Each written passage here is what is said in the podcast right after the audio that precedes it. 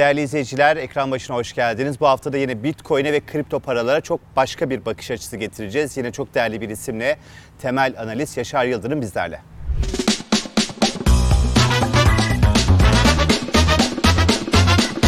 Evet Yaşar Yıldırım bizlerle birlikte. Kendisiyle çok başka alanları konuşacağız. Kendisi hem Adanalı hem temel analist hem borsa ilgi duyuyor hem sanata ilgi duyuyor. Birçok bileşeni var. Tıpkı Adana gibi diyelim değil mi Yaşar Bey? Hoş evet, geldiniz. Evet, hoş bulduk. Teşekkür ediyorum. Adana'ya e, benzemek bile güzel yani bence. Kesinlikle. Şimdi az önce yayından önce Yaşar Yıldırım'la sohbet ederken Adana Film Festivali ve birçok şeyden bahsediyoruz. O sıcağa rağmen yenilen kebaplardan Aynen. bahsediyorduk. Siz de onun gibisiniz yani birçok böyle şapkanız var aslında. Evet, yani elimden geldiğince e, hayatımı renklendirmeye çalışıyorum. E, sadece bir kanala kanalize olmamaya çalışıyorum. E, çünkü e, süremiz kısıtlı. E, onu ne kadar dolu geçirirsek o kadar iyi mantığıyla elimden Evet. geleni yapmaya çalışıyorum Çok da açıkçası. güzel yapıyorsunuz. Çocuklarınızla, eşinizle gördüğüm kadarıyla böyle hayatı gerçekten de dolu dolu yaşamaya çalışıyorsunuz. Bizde genelde bence bu internetin ortaya çıkmasıyla, dijitalleşmeyle birlikte hem gurmecilik çok fazla artmaya başladı Evet. hem birazcık merak duygusu da başladı. Hani coğrafya kaderdir biraz yıkan bir süreç oldu. O yüzden sizin bu ilgi alanlarınız benim çok hoşuma gidiyor açıkçası ve takdire şayan. Bir taraftan da memleketiniz de çok güzel temsil Evet. ediyorsunuz. Hep Adanalı olduğunuzu da bu Adanalı'ya ait bir şey mi acaba? Çok böyle Adana milliyetçiliği var tırnak içerisinde. Yani e, olabilir. Ben e, diğer e, memleketlerde de bu oluyor mu bilmiyorum ama Adana'da dediğiniz gibi özellikle belirtme ihtiyacı duyuyorum ben Evet. yani. Çünkü Adanalı olmaktan gurur duyuyorum. Çünkü dediğiniz gibi sıcak bir memleket. Yani nedir özelliği derseniz bence en büyük özelliği insanın sıcak olması. Yani ben Adanalıyım derken ben sıcak bir adamım. E, size yakınlaşabilirim mi Aslında aslında? samimiyet simgesi olarak bunu. Yoksa bir aynen. hani memleketçilik Öyle olarak bir sıfat değil. gibi görüyorum ben. Evet yani. ben de Elazığlıyım. Hani keşke orada doğup büyüyebilseydim. Ankara'da doğup büyüdüm ama hani anne baba Elazığlı. Öyle olunca Elazığ'ı çok fazla içime sindiremiyorum ve temsil de edemiyorum. Bazen düşünüyorum diyorum ki hani sizin gibi böyle memleketini seven insanlar gördükçe ben de çok seviyorum ama o kadar çok içselleştiremiyorum diye. Bu çok kıymetli bir şey. Bence bu evrensel, bu dijitalleşen dünyada yerel e, kimliğimizi unutmadan dijitalleşebilmek, evrenselleşmek bence çok önemli. Şimdi Yaşar Bey, e, Adanalı olmaktan bahsediyoruz ama bu peki yatırımcı olmak açısından size bir avantaj yaratıyor mu? Çünkü çok sıcak bir havadan bahsediyoruz. İklimi çok sıcak. Dolayısıyla insanların sabır noktasını birazcık zedeleyen bir şey. Evet. Yatırımcı olmak deyince benim aklıma sabır da geliyor. Siz sabırlı biri misiniz?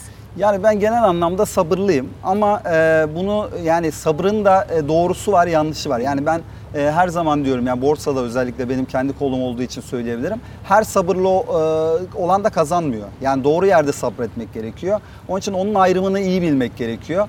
E, bazı noktalarda eğer veriler sizi destekliyorsa sabır sab- sabırlı olmak gerekiyor. Bazı noktalarda da o sabır inada dönüyor. E, ona da onunla o iki kavramı karıştırmamak gerekiyor. E, geri geldiğinde dediğim gibi sabırlı olmak, yeri geldiğinde de inat etmemek e, tercih edilmeli bence. O zaman yani zarar varsa ve bu zarar zararla sonuçlanacaksa değil mi beklemenin sonunda ısrar etmeyin. Yani şöyle diyebilirim, e, aslında zararda olmak çok önemli değil. Yani borsadan ben yine gidiyorum. E, önemli olan veriler bu zararı destekliyor mu? Yani e, hep dediğim gibi yani bir yatırımı yapıyorken neden yatırım yaptığınızı biliyorsanız eğer e, o zaman işte e, o zararda ya da karda olması sizi çok önemse, önemsemiyorsunuz. Siz verileri takip ediyorsunuz. Bu verilere göre bu düşüş haklı mı? Eğer haklıysa satış yapma e, e, opsiyonunu kullanabilirsiniz. Ama haksız bir düşüşse, veriler bunu desteklemiyorsa işte orada sabretmek önemli. Eğer onu kullanabiliyorsanız e, yolun sonunda kazanıyorsunuz. Bizim hep dediğimiz bir laf var. Yolun sonunda ne olacağını biliyoruz ama yolda ne olacağını bilmiyoruz. Bilmiyoruz. O yüzden veriler önemli. Ben Evet. veri e, takip eden bir insanım. E, o yüzden eğer veriler sizi destekliyorsa e, zararda veya karda olmanız önemli değil. E, Zaten hele şu dönemde değil mi Yaşar Bey? Yani bir sürü dünya meselesini tartışıyoruz. E, yolda ne çıkacağını bilmiyoruz. Her Evet. şey çıkabilir. Pandemi çıktı bir anda. Hele ki Türkiye'desiniz. Türkiye'de. Ee, Türkiye'de inanılmaz dalgalı bir ortam var. Yani aslında bir borsacı olarak bundan bazen yararlanıyoruz. Çünkü e, o dalgalanmalar size yeni anomaliler yaratıyor fiyatlamalarda. O anomalilerden yararlanıp doğru yerde pozisyon aldığınızda bundan kar da ediyorsunuz. Evet. Ama burada yaşayan e, bir insan olarak tabii ki bu çok yorucu bir süreç. E, o yüzden e, tabii ki böyle olmasını istemezdik. Ama e, madem böyle bundan da yararlanıyoruz. Yararlanmaya Evet. çalışıyoruz. Bu ülke insanı zorla böyle şey yapıyor değil mi? Evet. Ee, Survivor yarışmasındaki yarışmacılara Kesinlikle benzetiyor. öyle. Hele ki yatırımcı olarak Evet. e, çok yani şöyle söyleyeyim. e, yurt dışındaki bir yatırımcı belki bu kadar piyasanın içinde takip etmesine gerek du- duymuyor olabilir. Ama Türkiye'de gerçekten her gün takip etmeniz gerekiyor. Zaten ben o yüzden özellikle yatırımı küçük olan yatırımcıya fonları önermemin sebebi o. Çünkü sizin yerinizde bunu İlgilenen takip eden biri var. oluyor. Evet. Öteki türlü Türkiye'de bugün doğru olan yarın yanlış hale gelebiliyor. Örnek veriyorum işte Naci Abal dönemindeki döviz e, açığı olan şirketlere yönelirken Naci Abal'ın alınmasıyla beraber bir anda döviz fazlası olan şirketlere yönelmek zorunda kaldık. Şimdi temel analiz Yaşar abi. Yani temel e, teknik analiz çok görüyoruz. Temel analiz çok bulamıyoruz. Ben size başka yayınlarda da hep bunu soruyorum. Kusura bakmayın böyle mükerrer soru gibi oluyor ama yeni bir yayın olduğu için. Yani nedir bu temel analiz? E, bir de e, teknik analizi temel analistler hiç kullanmaz mı? Burada teknik analistler de geldi. Onlara da soru sorduk. Temel analizi tabii ki yok saymıyorlar analiz kısmını. Ancak teknik analizin bir çeyrekte olsa önde olduğunu savunuyorlar. Örneğin Selçuk Önerşer bu şekilde açıklamıştı. Siz ne söylemek istersiniz? Ya ben şunu diyorum, hep konuşmama onunla başlamak istiyorum. Onun için teknik analistleri de kırmak istemem yani. Her kazanan bir yöntemin varsa doğrudur yani. Ben buna e, karşı çıkamam. E, benim kazanan yöntemimin içinde teknik analiz yok açıkçası. Hiç kullanmıyorum. Yani e, grafiğine bile bakmıyorum diyebilirim. E, diyelim ki baktım, e, sadece şunu diyebiliyorum. Yani bak baktım ki yükselmiş ise ben yatırım yapmaya karar verdiğimde ya ben bunu niye daha önce fark edemedim? Ya mutlaka o temeldeki daha önce fark edenler almıştır diye yorumluyorum. Ya da düştüyse acaba benim fark ettiğimi piyasa fark edemedi mi? Bir bu ihtimali değerlendiriyorum. Bir de acaba benim görmediğim, bilmediğim, e, bulamadığım bir şey mi Bir var şey ki var. satılıyor diye. Sadece grafikte benim için e, yorum bu. Onun dışında ben tamamen temel analiz yapıyorum. Temel analiz nedir derseniz de temel analiz aslında borsanın orijininde olan bir şey. Yani borsada yaptığımız nedir aslında? Şirketlere ortak olmak. E şimdi şirketin ortaklığı da bir şirkete siz dışarıda borsa dışı bir şirkete ortak olduğunuzda ne yaparsınız? Karını sorarsınız. Sektördeki durumunu sorarsınız. Sektörü araştırırsınız. Bu karlılık doğu, e, devamlı mı olacak? Artabilme ihtimali var mı? Pazarda kendini büyütme ihtimali var mı? Bunları araştırırsınız. Kimlere mal satıyor? İşte kimden mal alıyor? Bunları araştırırsınız. Temel analizde tam olarak böyle. Zaten bir gözlemle başlıyor Murat Bey. Önce etrafınıza bakıyorsunuz. Ne var? Yani e, işte bu sene çok rüzgarlı geçti diyorsunuz mesela. Ya rüzgar enerjisinden kim elektrik üretiyor? Buna bakmaya Ama başlıyorsunuz. çok somut şeylerden bahsediyorsunuz. Evet. Yani bu hep gö- gözlemlenebilen, ölçülebilen şeylerden. Şimdi dünyada dijitalleşiyor. Kripto varlıkları, Bitcoin'de konuşuyoruz. Bu cephede, kripto paralarda özellikle ve Bitcoin'de temel analiz yapmak mümkün mü? Yani şöyle e, o konuda çok böyle e, beylik laflar etmek istemem. Çünkü e, çok tarzım şeyim değil yani kendi alanım değil ama şunu söyleyebilirim. Yani benim ilk e, coin'le e, diyaloğa girdiğimde e, ilk baktığım bunun üretim maliyeti nedir diye araştırmıştım. Onun için e, Onu da somutlaştırmaya Evet çalışıyorsunuz ister aslında. istemez ben çünkü rasyonel bir adamım Evet. ve mutlaka bir matematiğe uydurmaya çalışıyorum konuyu. E, şimdi o noktada hep de şunu demiştim yani maliyetine yaklaştığında işte bitcoin alınabilir.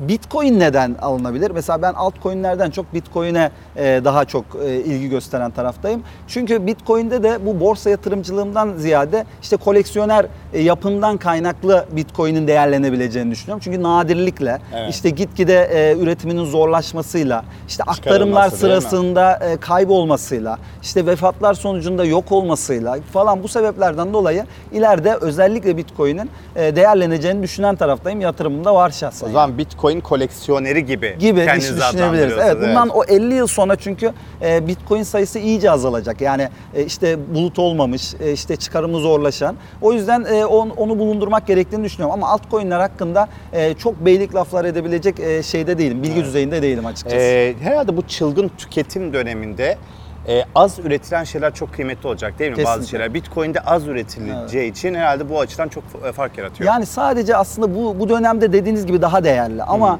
e, eskiden beri böyle bir şey var. Zaten koleksiyonerlik işte e, bundan e, kaynaklanıyor. Ne kadar az üretiliyorsa ve ne kadar beğeniliyorsa e, o kadar değer değeri artıyor. Yani arz talep meselesi aslında ticaretin bizzat e, içinde olan bir şey. Talep çoksa, arz da azsa o fi- o eser değerleniyor yani. E, coin'i de ben e, bu yönden açıkçası Bitcoin nasıl alıyorsunuz Yaşar abi? Bitcoin'i yine işte e, Türk Türkiye'deki dijital platformlardan alıyoruz. Yok yani hem oradan alıyorsunuz ama belli bir stratejiniz var mı? Yani Ha. eğer bunun tam anlamıyla arzı sınırlı ve ileride çok daha büyük bir değere ulaşacağını düşünüyorsanız fiyata bakıyor musunuz, inceliyor musunuz? Çünkü Bitcoin aslında temel analizi yapmak da e, belki çok mantıklı değil. Çünkü en güvenilir enstrüman değil mi? Bitcoin bakıldığı zaman e, başka bir şeye dönüşmüş oldu yani kripto paralar içerisinde. Dolayısıyla burada temel analiz yapıyor musunuz? Her fiyattan alır mısınız? Yani şöyle e, benim ne yaptığımdan daha çok önerdiğimi söyleyebilirim. E, düzenli olarak e, ufak meblağlar bence portföyün büyük kısmını değil küçük bir kısmıyla e, düzenli alımlar e, yapmak en mantıklısı. Çünkü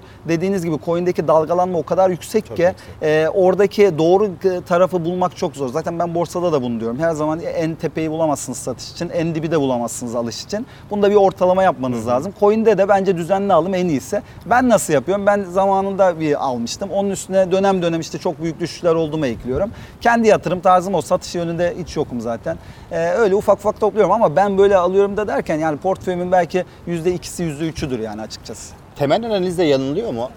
Temel analiz tabii ki yanılabilir. Çünkü temel aslında temel analiz yanılmaz. Sizin ön, ön- öngörünüz yanılır. Çünkü siz temel analizin yanına bir de öngörü eklemek zorundasınız. Yani o, o değerlemeyi yaparken Evet. şirketin. Mesela şu an enerji fiyatları Avrupa'da ciddi yükseliyor. Ee, Türkiye'de de yükseliyor. E, siz bunun daha da yükseleceğini bir öngörü e, yapıp ona göre değerleme yaptığınızda e, buradaki e, Rusya Ukrayna'da yarın bir gün anlaşsa bu enerji fiyatları geri düşmeye başlasa sizin öngörünüz yanılıyor aslında. Temel analiz nedir? Oradaki elektrik fiyatlarıyla bugünkü şirketin değeri uygun muya e, cevap veriyor. E, eğer uygunsa alıyorsunuz ama dediğim gibi elektrik fiyatları düşmeye başladığında bu sizin öngörünüzün yanıldığını gösteriyor. Aynen E, bir de tabii ki bilançolardaki e, makyajlamalar sıkıntı olabiliyor. Çünkü siz bir kar hesaplıyorsunuz. Makyaj da olmayabilir, reel bir şey de olabilir. Nasıl diyeceksiniz? Siz bir kar hesaplıyorsunuz. 4 işlem örnek veriyorum. İşte elektrik fiyatıyla e, üretileni çarpıyorsunuz. Ama o sıra şirket bunu hedgelemiş oluyor. Bir şirketle önceden anlaşmış oluyor. O fiyata satmıyor. Daha düşük bir fiyata satıyor. Kar geldiğinde farklı bir kar geliyor. Burada da yanıldığını söyleyebiliriz Mesela yani. ben yani bu dönem çok iş dünyasından röportaj yapma fırsatı buldum. Hem ticaret odaları hem de işte şirketler nezdinde. Onların bu dönemde en büyük şikayeti şu enflasyon muhasebesinin olmamasından dolayı kazanmadığımız paraların vergisini ödüyoruz Aynen diye. öyle. E, bu da makyajlamanın herhalde en büyük e, Ya sıkıntılarından şimdi bir tanesi. e, zaten enflasyon muhasebesi normalde teknik olarak yapılması gerekiyordu. Biliyorsunuz süresi uzatıldı. Enflasyon muhasebesinde e, yapılırsa e, devletin vergi geliri düşecek büyük ihtimal. Çünkü Ya e, örnek veriyorum bankalar e, buna bakılacak. Hani diyorlar ya bankalar çok kazanıyor, çok kazanıyor. Halbuki çok kazanmıyor. Yani biz ya- yatırımcı olarak baktığımızda çok kazanıyor gibi geliyoruz. Çünkü biz adamların 10 koyduğu 10 liraya 3 lira verdiğimiz için bizim 3 liramıza 3 lira kazandı diyoruz. Ama adamın koyduğu 10 lira 3 lira kazandığında aslında para kaybediyor. Para kaybediyor. Yani sanayici de bundan ya- yakınıyor anlıyorum ama yakınılması gereken yer ora değil bence Evet. yani. Ee, durum o açıkçası. Şu çok bence sıkıntı. Yani e, bir karar alırken bu ülkede karar alacağınız muhataplarınız, iş yapacak olan kişileri masaya oturtturmadan kararlar alınması ve bir gecede alınması bence Türkiye piyasalarına ve Türkiye bakış açısının da negatif olmasını sağlıyor. Bugün ülkemizin risk primi kadar çok yüksek olmasının en temel sebebi herhalde sanayiciye kardeşim ben bu faizleri indireceğim. İşte 13 puana neyse 19'dan 13'e. Böyle olursa dolar patlayacak, enflasyon patlayacak ve siz böyle bir ortamda üretim yapacaksınızı bildirmeden, onların niyetini almadan bu işleri yapmak bence Türkiye ekonomi modeli açısından bir sorun yaratıyor.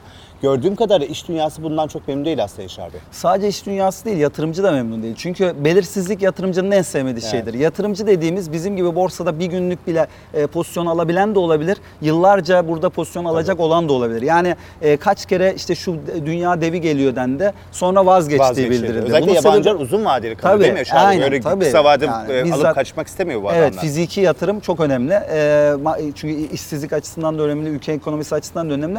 Maalesef oradaki belirsizlik yarattığınız an e, her şey e, yok oluyor. Bir örnek vereyim kısaca. Borsada e, şirketlerden birinin e, santrali vardı, elektrik santrali. E, PTF'lere bakarak önünde bir konjöktör çizerek bu şirketi satın aldı yabancı gelip. Satın aldıktan 3 ay sonra PTF'deki kurallar değişti. Evet. Şimdi siz bu yabancı yatırımcıyı bir daha koya, sokabilir misiniz buraya? Sokamazsınız. Sokamazsınız. Onun için e, oradaki belirsizlik büyük dert. O yüzden herhalde Borsa İstanbul'da son dönemde yabancı takas oranı tarihin en düşük seviyelerinde Evet. 40'ın aşağısında. Ancak Sayın Bakan Nebati övündüğü bir şey var. Borsa İstanbul'a milyarlarca dolar para geldi. Şimdi Türkiye'nin bu dönemde Borsa İstanbul'u ayakta tutmak için ihtiyaç duyduğu bir sıcak paraya mı ihtiyacı var yoksa ekonomimizi canlandırabilecek, işte bu ülkede üretimi, dolarizasyonu önleyecek, gençlerimizin hayallerine e, ortak olacak ve İslam yaratacak bir paraya mı ihtiyaç var? Bence bu ikincisine daha ihtiyaç var. Ne Aynen. dersiniz? Yani biz buna kaliteli para diyoruz aslında. Evet. Kaliteli sermayeye ihtiyacımız var bizim. Şu an e, Borsa İstanbul'a gelen yabancı inanın bana yani e, globalin kumarbazları buradalar yani. Çünkü giriyorlar, çıkıyorlar. Kimliğini biliyor musunuz? E, Bıyıklı yabancı diyorlar ya. Bıyıklı yabancı da var bunun içinde. Evet. Normal bu yani risk anlayışı yüksek para ayırdıkları yani atıyorum diyor ki bu paranın yüzde birini çok riskli yerlere yatırın dediği e, para da buraya gelebiliyor. Ama o para çok hızlı girer, çok hızlı çıkar. Çünkü buradan girer, öteki tarafta Vietnam'a girer, öteki taraftan işte Afrika'nın bir ülkesine girer. girer. Onun için o para çok kaliteli değildir, Evet. istediğimiz bir para da değildir. Ama şunu söylüyorum ben her zaman biz doğruyu yanlışı konuşacağız bu ayrı. Ama bir taraftan da biz bir yatırımcıyız. Bu yatırımcı olarak bundan nasıl yararlanırızı da görüşmek lazım. Yani yabancının çıktığı yerde borsa fiyatlamasının çok ucuz olduğunu biliyoruz. Fiyatla değer arasındaki arbitraj çok yüksek. Bu arbitrajda bir gün o güven yeniden sağlandığında yabancı geldiğinde bu arbitraj ciddi para kazandıracak. Evet. Bundan yararlanmak için de e, o kötü zamanda pozisyonda durmak gerekiyor. Yani e, böyle bir dönemde çok ucuzlayan dolar bazında çok, çok her gün ucuzluyoruz Evet. dolar arttıkça bir durum var ve doğru bir temel analizi yaptığınız zaman inanılmaz bir fırsat Kesinlikle. yaratıyor. İşte burada insanların birazcık geleceğe, siyasete, Evet. seçime, seçim sonuçlarına güvenmesi gerekiyor. Eğer Evet. böyle bir güveni varsa pozisyon alabilirler. Şimdi bir varlık değerinin altındayken mi alınır Yaşar Bey? Aslında bu konuya da paralel olduğu için hemen izninizle Evet. bu soruyu iliştiriyorum. Hangi varlığın temel analizi yapmak mümkündür? Bir de yani e, hangi şarttan oluşması gerekiyor temel analiz yapmak için? Temel analiz dediğimiz şey verilere dayalı yani sizin yatırım tarzınıza da biraz bağlı. Yani mesela değer ya- ya- ana değer yatırımcıları var. Mesela şirketin fabrikasını, arsasını falan değerlerler. E bu değerin altındaysa bu ucuz derler. Mesela ben o tarafta değilim. Ben kar odaklıyım. Yani e, ne kadar kar ediyor? Bu karla benim verdiğim parayı kaç yılda çıkartacak? Bu kar büyü arttırılabilir bir kar mı? Bunlara bakıyorum açıkçası. Onun için her şeyin temel analizini yapmıyorum açıkçası. Yapılabilir mi? Yapılabilir. Ama benim tarzım gereği ben kar odaklı olduğum için kar üreten e, işlere e, temel analiz yapıyorum açıkçası. Temel analiz de yanılabilir o zaman değil mi? Yanılabilir, dedim, evet. Şimdi e, ülkemizde nispeten bence finansal okuryazarlık nispeten de gerçekten çok düşük. Çünkü %80 enflasyon olduğu bir ortamda yani enflasyonu halde anlayamamak ve buna e, vatandaş olarak bence tepki verememek finansal okuryazarlığımızın çok düşük olduğunu Evet. gösteriyor. Şimdi üzerine bir de Bitcoin çıkınca dijital okuryazarlık da çok çok önem Aynen. kazanıyor. Yani hani temel analiz bu anlamda e, Türkiye'de finansal okuryazarlık ve dijital okuryazarlığın düşük olmasından dolayı az kullanılıyor diyebilir miyiz Yaşar Bey? E, Türkiye'de sadece finansal okuryazarlık değil maalesef okuryazarlık zaten az. Bence temel sıkıntı o yani. Üst başlıktan başladınız. E, finan- diye, dünya klasikleriyle başlayabiliriz diye. Finansal okuryazarlığa gelirsek temel analizde aslında şöyle bir durum var Murat Bey. Bundan 5-6 yıl önce bu demin bahsettiğim arbitraj daha yüksekti. Çünkü temel analiz yapan sayısı daha azdı. Şimdi daha çok. Mesela Twitter e, yani e, tükaka diyen çok oluyor. Ama baktığımda sen ne ararsan onu bulabileceğin bir yer. Evet. O kadar güzel temel analiz yapan insanlar var ki. Oradaki sadece bir nüans var. Değerlemede farklılık çıkabiliyor. Adam geçmiş FK'lara göre bir çarpan oluşturuyor. Ama mevcut enflasyonda o, o FK'lar çok yüksek kalabiliyor. Ama genel anlamda sadece temel analizi sorarsak bence e, güzel bir e, ortam oluştu Türkiye'de. E, daha da gelişecektir. Çünkü insanlar burada çaresiz. Bunu hep diyorum yani birikimleri için, e, tasarrufları için, e, onlara değer katabilmek için, daha doğrusu koruyabilmek için çaresiz olduğu için ne tarafa dönecek? Borsaya. E, borsada da bunu okuryazarlığını arttırması gerekiyor. Parasını koyduğu yerin ne olduğunu bilmesi gerekiyor. Bu da e, temel analiz yapan e, beyaz yakalıyı diyeyim, rasyonel insanları arttırıyor. Ben umutluyum. E, bu umudum şuna da sebep olacak. Para kazanmamızı zorlaştıracak. Çünkü bizim gibi fonlar böyle okuryazarlılar, e, finansal okuryazarlılık arttıkça bu demin bahsettiğim arbitraj da azalacak. Evet. Yani aslında toplum bilinçlendiği zaman e, tasarruflarını da e, daha bilinçli kullanacaklar ve e, daha fazla talepkar ve e, sorabilecekler, soru Tabii. iletebilecekler. Tabii, kesinlikle. Şimdi az önce konuşmamızın başında dijitalleşmeden bahsetmiştim ya Yaşar Bey. Onu biraz daha açalım. Yani finansal ürünler de baktığımız zaman dijitalleşiyor. Artık soyut bir değerin temel analizine doğru gidiyoruz. E, bu kripto para teknolojisinin, blockchain sisteminin aslında gelişmesiyle sermaye piyasalarının geleceği hakkında ne düşünüyorsunuz? Yani bunlar bir şekilde o arada da çok büyük bir spread var. Şey gibi yabancı yatırımcının getirip de borsa ucuzlatması gibi.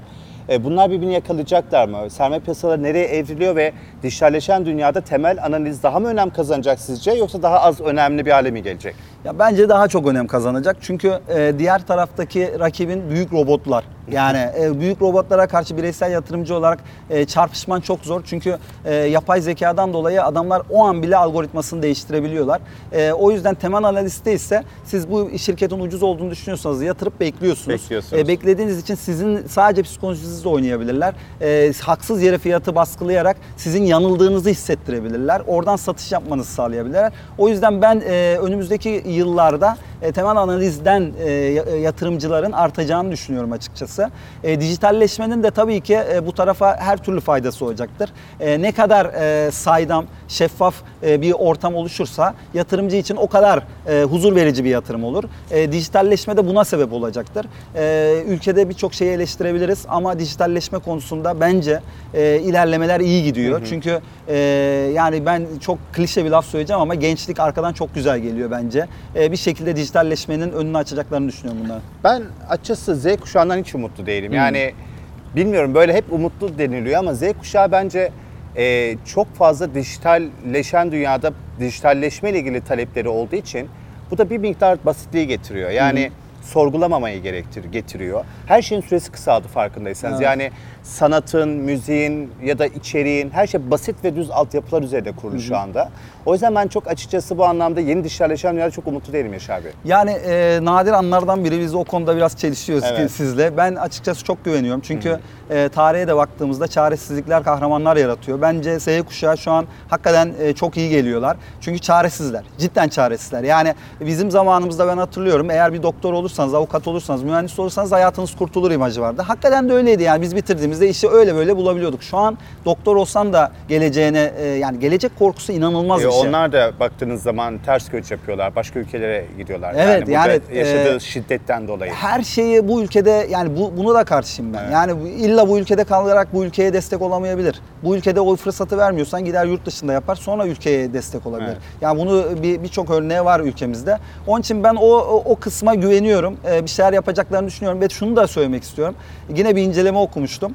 Ee, bundan e, 500 yıl önceki yazıtlarda gençleri kötülüyorlar. Yeni gençlik çok kötü diye. Bundan 300 yıl- emin olun biz de gençken bizi de kötülediler. E, biz de bir şeyler yaptık. Bizden sonrakiler bizden de iyilerini Yok yapacak. biz çok iyiydi demiyorum yani. Aha. Ben Biz de yaptığım hataları ve sahabın çok farkındayım. Evet Yani. rahat dönemdeyiz Aha. ama biz böyle bir arafta da dönemiz. Yani Evet. 85'liyim ben. Ee, Siz de sanırım- 83. Evet yakınız e, sizinle birlikte. Yani interneti ucundan da gördük, Evet. internet sizi de gördük. Yani Evet. ben annemin annemle hatırlıyorum. Yani postane önüne gidip jetonla teyzemi arayıp ben geldim öğretmen evinin önündeyim. Seni bekliyorum Evet. dediği zamanları da hatırlıyorum. Yani Evet. Facebook yok bir şey yok. Ama o annemdeki dönüşümün de farkındayım. Bir taraftan bunu yapan kadın Facebook'ta da işte komşum beni neden like'lamadı diye şikayet yapıyor. Yani bu dönüşüm beni çok Evet. rahatsız ediyor ve Evet. dolayısıyla Z kuşağının da direkt internetin içine doğması ve böyle bir talebi olması yani iletişim anlamında ben tam bir bağ kuramıyorum. Yani hepsini de tenzih ediyorum tabii Evet. ki ama hani bakıldığı zaman bu jenerasyon benim aramda çok büyük gap var. Çünkü sorgulamayan bir jenerasyon Evet. var gibi geliyor. Ya ben de işte o, o noktada biraz çelişiyoruz dediğim gibi. Ben şöyle bakıyorum. Bizim dönemimiz rahat bir dönemdi. Mesela biz çalışmadan bir yerleri kazanabiliyorduk. Zeki olman yetiyordu. Ben fen lisesinde okudum. Etrafımdaki herkes devlet okullarından gelmişti. Ama şimdi gidin fen liselerine hepsi özel okullardan, özel hocalarla gelmiş Evet. çocuklar. Yani e, böyle baktığında zor bir dönem yaşıyoruz. Evet. Bunlar üniversiteyi bit mesela siz bir mühendisliği demin dediğim gibi bir doktorluğu bitirdiğinizde hayatınızı garantilemiştiniz. Şu an kötü bile alıyorsunuz yani maaşlar alıyorsanız bile artık birikimini yaptınız. Bizim taraf yani hakikaten şanslı dönem. Bizden Evet, evet. sonrakiler çaresiz dönem. O kötü çaresiz bir dünya dönemin bıraktık onlara, çaresiz dönemin bence çok iyi şeyler çıkaracağını düşünüyorum ben. Çünkü İnşallah. çare yaratacaklarını düşünüyorum. Ee, şimdi e, bir de pandemi çıktı üzerine. Çocuklar mesela 4 yıllık üniversite okuyan bir çocuk 2 sene boyunca okuluna giremedi. Yani on nasıl e, iş hayatına atılacak? Çok ciddi sorunları var.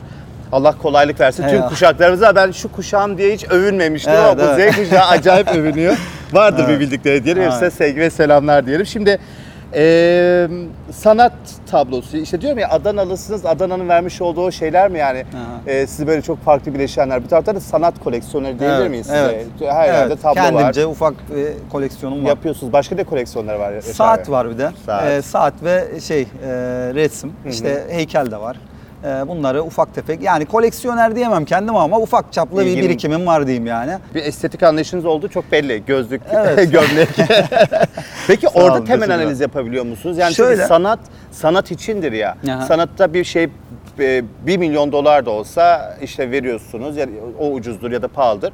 Sanata veriyorsunuz. Siz burada böyle temel analiz mantığı çalıştırıyor musunuz? Yani ben şimdi e, sanat camiasının tabii tepkisini çekebilecek şeyler ama ben biraz yatırım açısından Hiç da merak bakıyorum. etmeyin. Ben zevk Aynen. şu an, şu anda bayağı tepkisi çekti. Siz de sanatçılar çekin birazcık. Yani ben şeye de e, önem veriyorum. Yani bunun yatırım e, enstrümanı olarak bakılmasına da önem veriyorum. Hatta buna ne için önem veriyorum? Buna yine sanatçı için önem veriyorum. Yani e, biz eğer böyle bakmazsak, mesela örnek veriyorum size, bir tablo alacaksınız 300 bin lira. Bu 300 bin lira sadece sizde kalacağını ve bir gün e, sizinle beraber yok olacağını düşünüyorsanız buna 300 bin lira verirken biraz tedirgin olabilirsiniz. Ama bu 300 bin lira verdiğiniz tablonun yarın 1 milyon olma ihtimali varsa o 300 bin lirayı daha rahat, en Orada kötü pragmatik düşünüyorsunuz Tabii en yani. kötü bu fiyata satarımı düşünebiliyorsanız daha rahat O verebiliyorsunuz. zaman orada sanatçının eserini mi beğeniyorsunuz? Eseri beğenmeyip onun primlenebileceğini mi Hayır, ümit ediyorsunuz? ikisini de diyelim. Ama çok zor değil mi ikisini bir arada E, bulmak? iki- aslında zor değil. Neden zor değil? Zaten aldığımız ürün az. Hmm. Yani ben bin tane eser almıyorum. Zaten e, sürekli de eser almıyorum. O yüzden bunun ikisini bir arada bulmak kolay. E, bu benim dediğim aslında sanatçının da ilerlemesine sebep Evet. oluyor. Çünkü bu e, ge- gelecek korkusu ülkemizden bahsediyoruz. satılabilecek ürünler hep yapacak o zaman. E, şöyle e, aslında şunu getiriyor bu. Eğer siz sanatçının para kazanabileceğine inandırıyorsanız bu ülkede e, bu ülkede sanatçılar doğmaya başlar. Şimdi belki de siz de sanatçı olacaktınız. Belki ben de sanatçı olacaktım. Ama sanatçı para kazanamıyor mantığıyla ikimiz de sanatçı olmadık. Örnek veriyorum Evet, yani. evet. Belki de bu ülkede binlerce sanatçı olabilecek doktor var şu an. Ya da mühendis var. Ya yapsınlar sanatını yine diyor ama olmaz. Öyle değil. Evet. Yani oran azalıyor. O yüzden e, bunun parasal bakılmasını da önemsiyorum. E, de- temel analizi nasıl yapıyorum? Temel analizini açıkçası şöyle yapıyorum yatırım olarak baktığımızda. Birincisi e, asmayı, izlemeyi sevdiğim eserleri almaya çalışıyorum. İkincisi dostlarımın beğenisi önemli benim için. Neden önemli? Çünkü dostlarımız beğeniyorsa e, buna ileride değer verecek insanın artabileceğini gösteriyor bu. E, ikincisi de en önemlisi demin dediğim gibi arzının az olması gerekiyor. Yani her gün aynı resmi üreten e, sanatçılar var. Ben açıkçası onlara pek yatırım yapmayı pek planlamıyorum, yapmıyorum da. Evet yani doğru söylüyorsunuz. Hep annelerimiz babalarımız işte biz tiyatroya ya da başka bir şey ilgi duyduğumuz zaman sanatçı olup aç mı kalacaksın Aynen, diye diye biz aynen. de böyle e, E, belki gitgide de- sanatı öldürüyoruz ülkede. yani yani. yine sevdiğim iş yapıyorum çok şükür ama Evet. belki oyuncu da olabilirdim. Aynen. Çok daha farklı bir noktada olabilirdim. Yani şöyle sevindim. İyi ki ben sanat koleksiyoneri değilim. Genelde sevdiğim şeyler e, genel olarak beğenilmiyor. İşte dinlediğim şeyler beğenilmiyor. Elimde kalırdı birçok şey. Hani sanatçıyı sadece memnun etmiş olurdum. Bu açıdan ben de memnun olurdum gerçi ama bayağı bir zararla uğraşırdım. Yani temel analizi yapmak da çok mümkün değil efendim. O zaman daha fazla zararda ısrar etmeden Bitquiz bölümüne geçelim.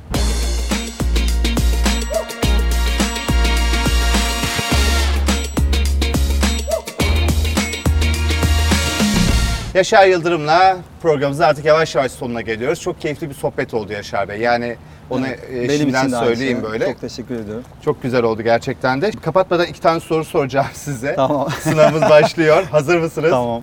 Böyle e, yani uzman konukları da soruya tabi tutmak da birazcık hassizlik oluyor ama Estağfurullah. amacımız izleyicilerimizi bilgilendirmek. E, tabii burada Bitcoin mi, Borsa İstanbul mu? Özellikle Borsa İstanbul mu diye sormak istiyorum size. Bence Borsa İstanbul çünkü hala bir arbitraj var ortada. Değerle fiyat arasında ciddi bir fark var. Önümüzdeki bir 5 yıl 10 yıl hala borsa diyeyim yani. Borsa İstanbul mu daha stresli, Bitcoin mi? Sürekli takip ediyorsanız Borsa İstanbul tabii stresli yani. Acayip stresli bir alan yani her şeyi takip ediyorsunuz. Bitcoin'den bile daha stresli Bir diyebilirim. gecede resmi gazete kararları, Aynen. bir bakıyorsunuz bakan alınmış, bir kat- bakıyorsunuz kesinlikle. başkan alınmış. Evet. Hani böyle bir ülkede yatırım yapmak çok zor herhalde. Öyle ama işte nerede ne için olduğunuzu da biliyorsanız e, çok da stres olmuyor ya. Ben Bence kendime bakıyorum çok stres. Acı çekme fetişistliği olabilir yani. Borsa İstanbul Evet. diye ısrar Ya ben bir e, karakter olarak yani e, dışarıdan göründüğünden çok daha rahat bir insanım. Aha. E, bir de şu var hep diyorum yani e, bors bizim borsada özellikle rahat ve de hırslı olmayan insanlar kazanıyor. Bu ikisi de bende var gibi düşünüyorum. Ben şunu çok yaşadım. Ekrana bakıyorsanız isterseniz çok iyi temel analiz yapın, isterseniz teknik analiz yapın. Acayip stres katsayınız artıyor. Evet. O ekrana bakılmayacak yani. Aynen benim zaten misafir olarak gelenler e, hep onu diyor yani abi hiç ekrana bakmadın diyor mesela iki saat oturduktan sonra. Bakmadığım oluyor yani. Evet. Tabii ki şey o sıra ofisteysem, teksem, başka da işim yoksa işte Excel'lerle falan o zaman bak bakıyorum ama genel anlamda çok böyle ekran şeyi değilim yani. Evet. Tiryakisi değilim. O zaman sonlandıralım böyle. Tamam. Değil mi? Gayet güzeldi. Çok teşekkür ederiz. Ben teşekkür ederim. Çok sağ olun. Ayağınıza, ağzınıza sağlık. Tüm Adanalıları Satoshi TV takip etmeye davet ediyorum. Adana, Mersin, Tarsus o bölge değil mi? Aynen, Çukurova aynen, bölgesi aynen. olabilir. Çukurova, Çukurova, Mersin'e gelebilir mi? Mersin'de girer tabii Gelebilir. ki. Hepsi memleketimiz. Süper. Efendim beğenin, yorum yazmayı da unutmayın diyelim. Ee, bir sonraki programda görüşmek dileğiyle.